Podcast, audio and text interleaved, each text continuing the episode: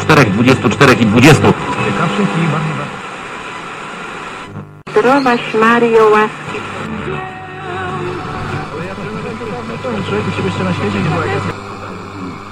To można mówić. Oczywiście można mieć takie poczucie wyjątkowości, bo z pokorą czekając na ostatnie.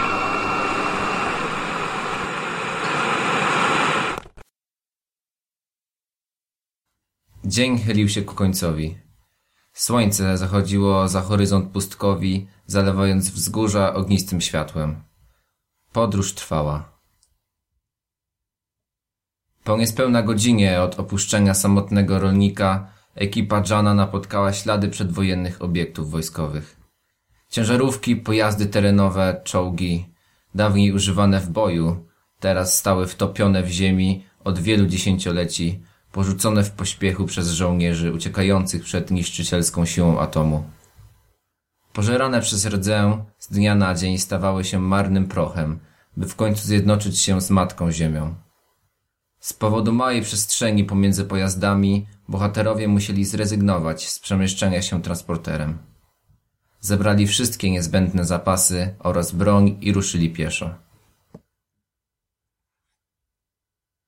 Przesuwając się powoli pomiędzy wrakami na tym cmentarzysku, udało im się zauważyć, że tego miejsca wojna atomowa nie dosięgnęła jednak w takim stopniu, jak reszty świata.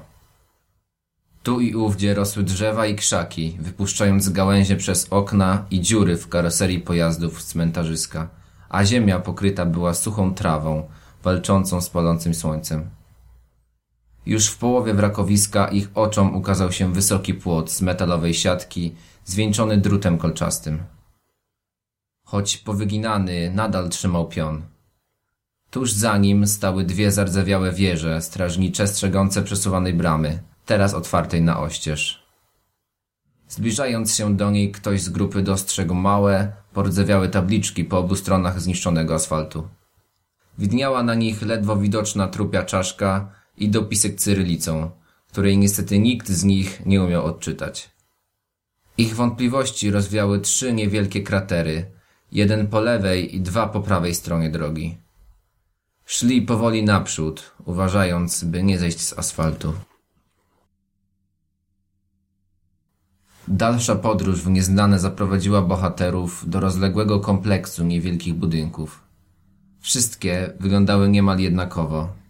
Stare, bielone ściany, z których płatami odpadał tynk, potargane blaszane dachy i okna z częściowo powybijanymi szybami. Pomiędzy budynkami na spękanym asfalcie gdzie niegdzie stały wojskowe ciężarówki i transportery opancerzone w równie dobrym stanie, co te spotkane na wrakowisku. Złowrogiego klimatu temu miejscu dodawał zapadający szybko mrok oraz panująca wszędzie martwa cisza, nieprzerwana nawet drobnym powiewem wiatru.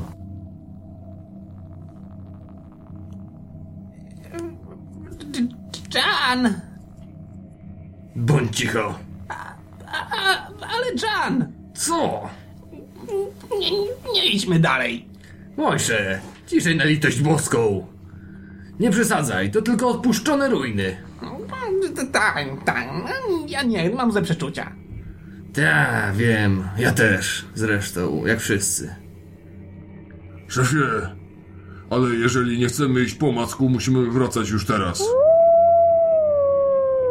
Za, za, wilki! A, waj, waj, transport za daleko. Teraz już za późno na odwrót. Przynocujemy tutaj, w jednym z opuszczonych budynków. Eee, to y, y, ja ze Stachem rozpalimy ognisko. Do, do, dobra, Stachu? Stachu? Wodecki! Co z to? Bo... Gdzie jest Wodecki? Nie wiem, i szedł tuż obok. Stachu! Stachu, gdzie jesteś? Cicho, Mojsze! Jan, Mike i Mojsze zaczęli gorączkowo rozglądać się w poszukiwaniu Wodeckiego. Lecz otaczający ich wieczorny półmrok nie pomagał. Po chwili ostrożnie ruszyli swoimi śladami w kierunku, z którego przyszli. Po wyjściu z za rogu budynku szybko zauważyli zaginionego towarzysza. Stał nieruchomo na środku drogi i patrzył gdzieś w dal. Hej, Wodecki! Co, co z tobą, Stachu? Nie reagował na ich wołania.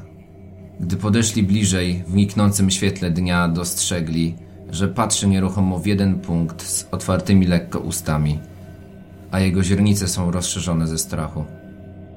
Jan pomachał ręką przed jego oczami, ale ten nawet nie mrugnął. Nadal patrzył w dal bez jakiegokolwiek ruchu. Wtedy Barry chwycił go za ramiona i potrząsnął kilka razy. To wyrwało Wodeckiego z transu. Zamrugał oczami i potrząsnął głową, po czym spojrzał pytająco na towarzyszy. Co... co się stało? To ty nam powiedz. Zorientowaliśmy się nagle, że zostałeś z tyłu i wróciliśmy cię szukać. A ty stoisz tu i się gapisz z rozdziawioną gębą. Naprawdę? Ale... Ale ja nic takiego nie pamiętam. Co ty tam widziałeś? Jan odwraca się w tę stronę, w którą patrzył Wodecki. Ale ciemność przesłania wszystko. Nie dostrzega w mroku niczego niezwykłego. Nie wiem, wydawało mi się, że ktoś mnie wołał, ale... Ale chodźmy już stąd. Racja. Ledwo co widać drogę. Idziemy! Nie podoba mi się to miejsce. I, idziemy, a, a, ale dokąd? E, przecież... Szajse! Mojsze! A, ale wdychnąłem wielkie i śmierdzące i niekoszerne. Co to było? Nie wiem i nie chcę wiedzieć. Schowajmy się w tym budynku. Nie ma powybijanych szyb.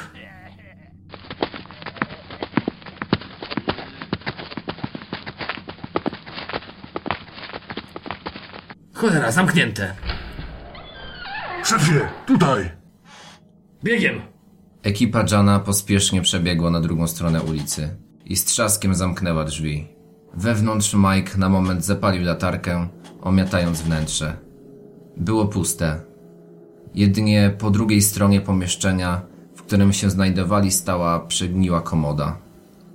Gdy Mojsze przetrzymywał drzwi, Mike i Jan z trudem przepchali ciężki mebel po spróchniałej, skrzypiącej podłodze i zabarykadowali drzwi. A teraz cisza i nikt niech się nie rusza. Wszyscy zastygli w skupieniu. Dziwny dźwięk był słyszalny tuż pod oknami, ale w tę bezksiężycową noc nie było widać, co znajduje się za szybą. Słychać było tylko powolne kroki. Nagle nastała cisza. Cokolwiek było po drugiej stronie właśnie próbowało otworzyć drzwi, ale po chwili zrezygnowało. Wyładowało swój gniew na drzwiach i powoli odeszło. Ekipa odetchnęła z ulgą. Kyrie, haj, waj. Szefie, co to było? Gul? Może mm, trochę powolnie jak na gulam. Jakiś chory czy albo kulawy. Nie wiem, rano się przekonamy. A teraz śpimy. Jedno suma trzyma warte, zamieniamy się co godzinę.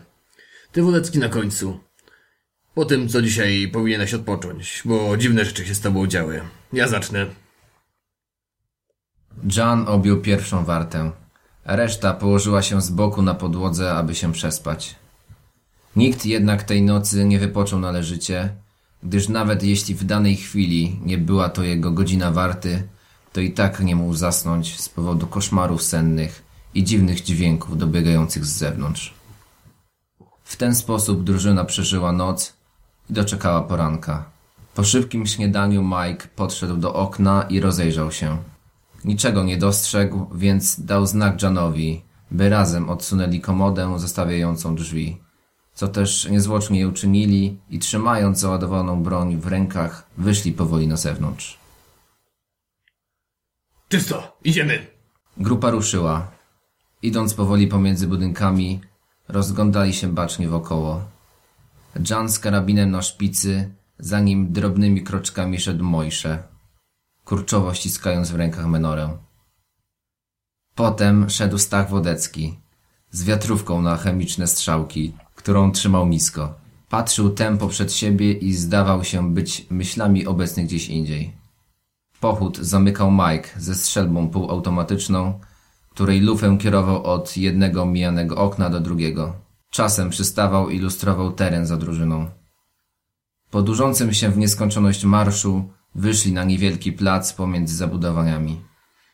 Dało się tu zauważyć, że wszystkie budynki były pogrupowane w cztery bloki, których oznaczenia wymalowano na ścianach. Obok każdego z nich stał słup z megafonami na szczycie. Wtedy w Wodeckiego wstąpił nowy duch. Ej, Jan! Co jest? Słyszysz? Głośniki. Płynie w nich prąd. A to dopiero. Czyli gdzieś tutaj jest coś, co je zasila. Szefie, O co chodzi, Mike? popatrz tam. Mike podniósł lekko lufę strzelby, wskazując północno-wschodni kierunek. Na drogę pomiędzy blokami C i D. Wszyscy odwrócili głowy w tym kierunku. W odległości jakichś stu metrów zauważyli postać. Był to wysoki, umięśniony mężczyzna o bladej cerze. Miał na sobie tylko stare, potargane spodnie. Głowę trzymał spuszczoną w dół, patrząc w ziemię. Stał nieruchomo, skierowany w stronę drużyny Jana. Nie wiedzieli kim lub czym jest, ale przypuszczali, że to właśnie on chodził pod oknem ich kryjówki minionej nocy. Jan, co, co teraz? Żebym to ja... Co tu się do cholery jasnej dzieje?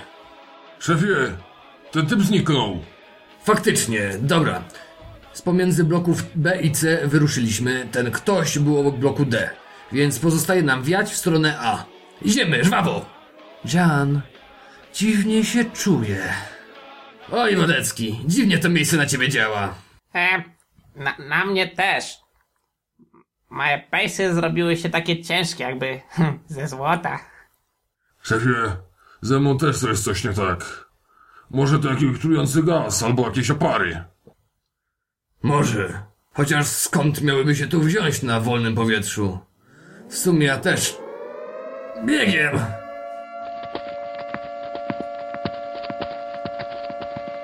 Nagle wszystkim zaczęło kręcić się w głowach. Poczuli, że ich nogi robią się kamiennie ciężkie i nie mogą ruszyć się z miejsca. Musimy to zwalczyć! Biegiem! Przed siebie! Ruszyli przed siebie. Próbowali biec, ale tylko potykali się co chwilę.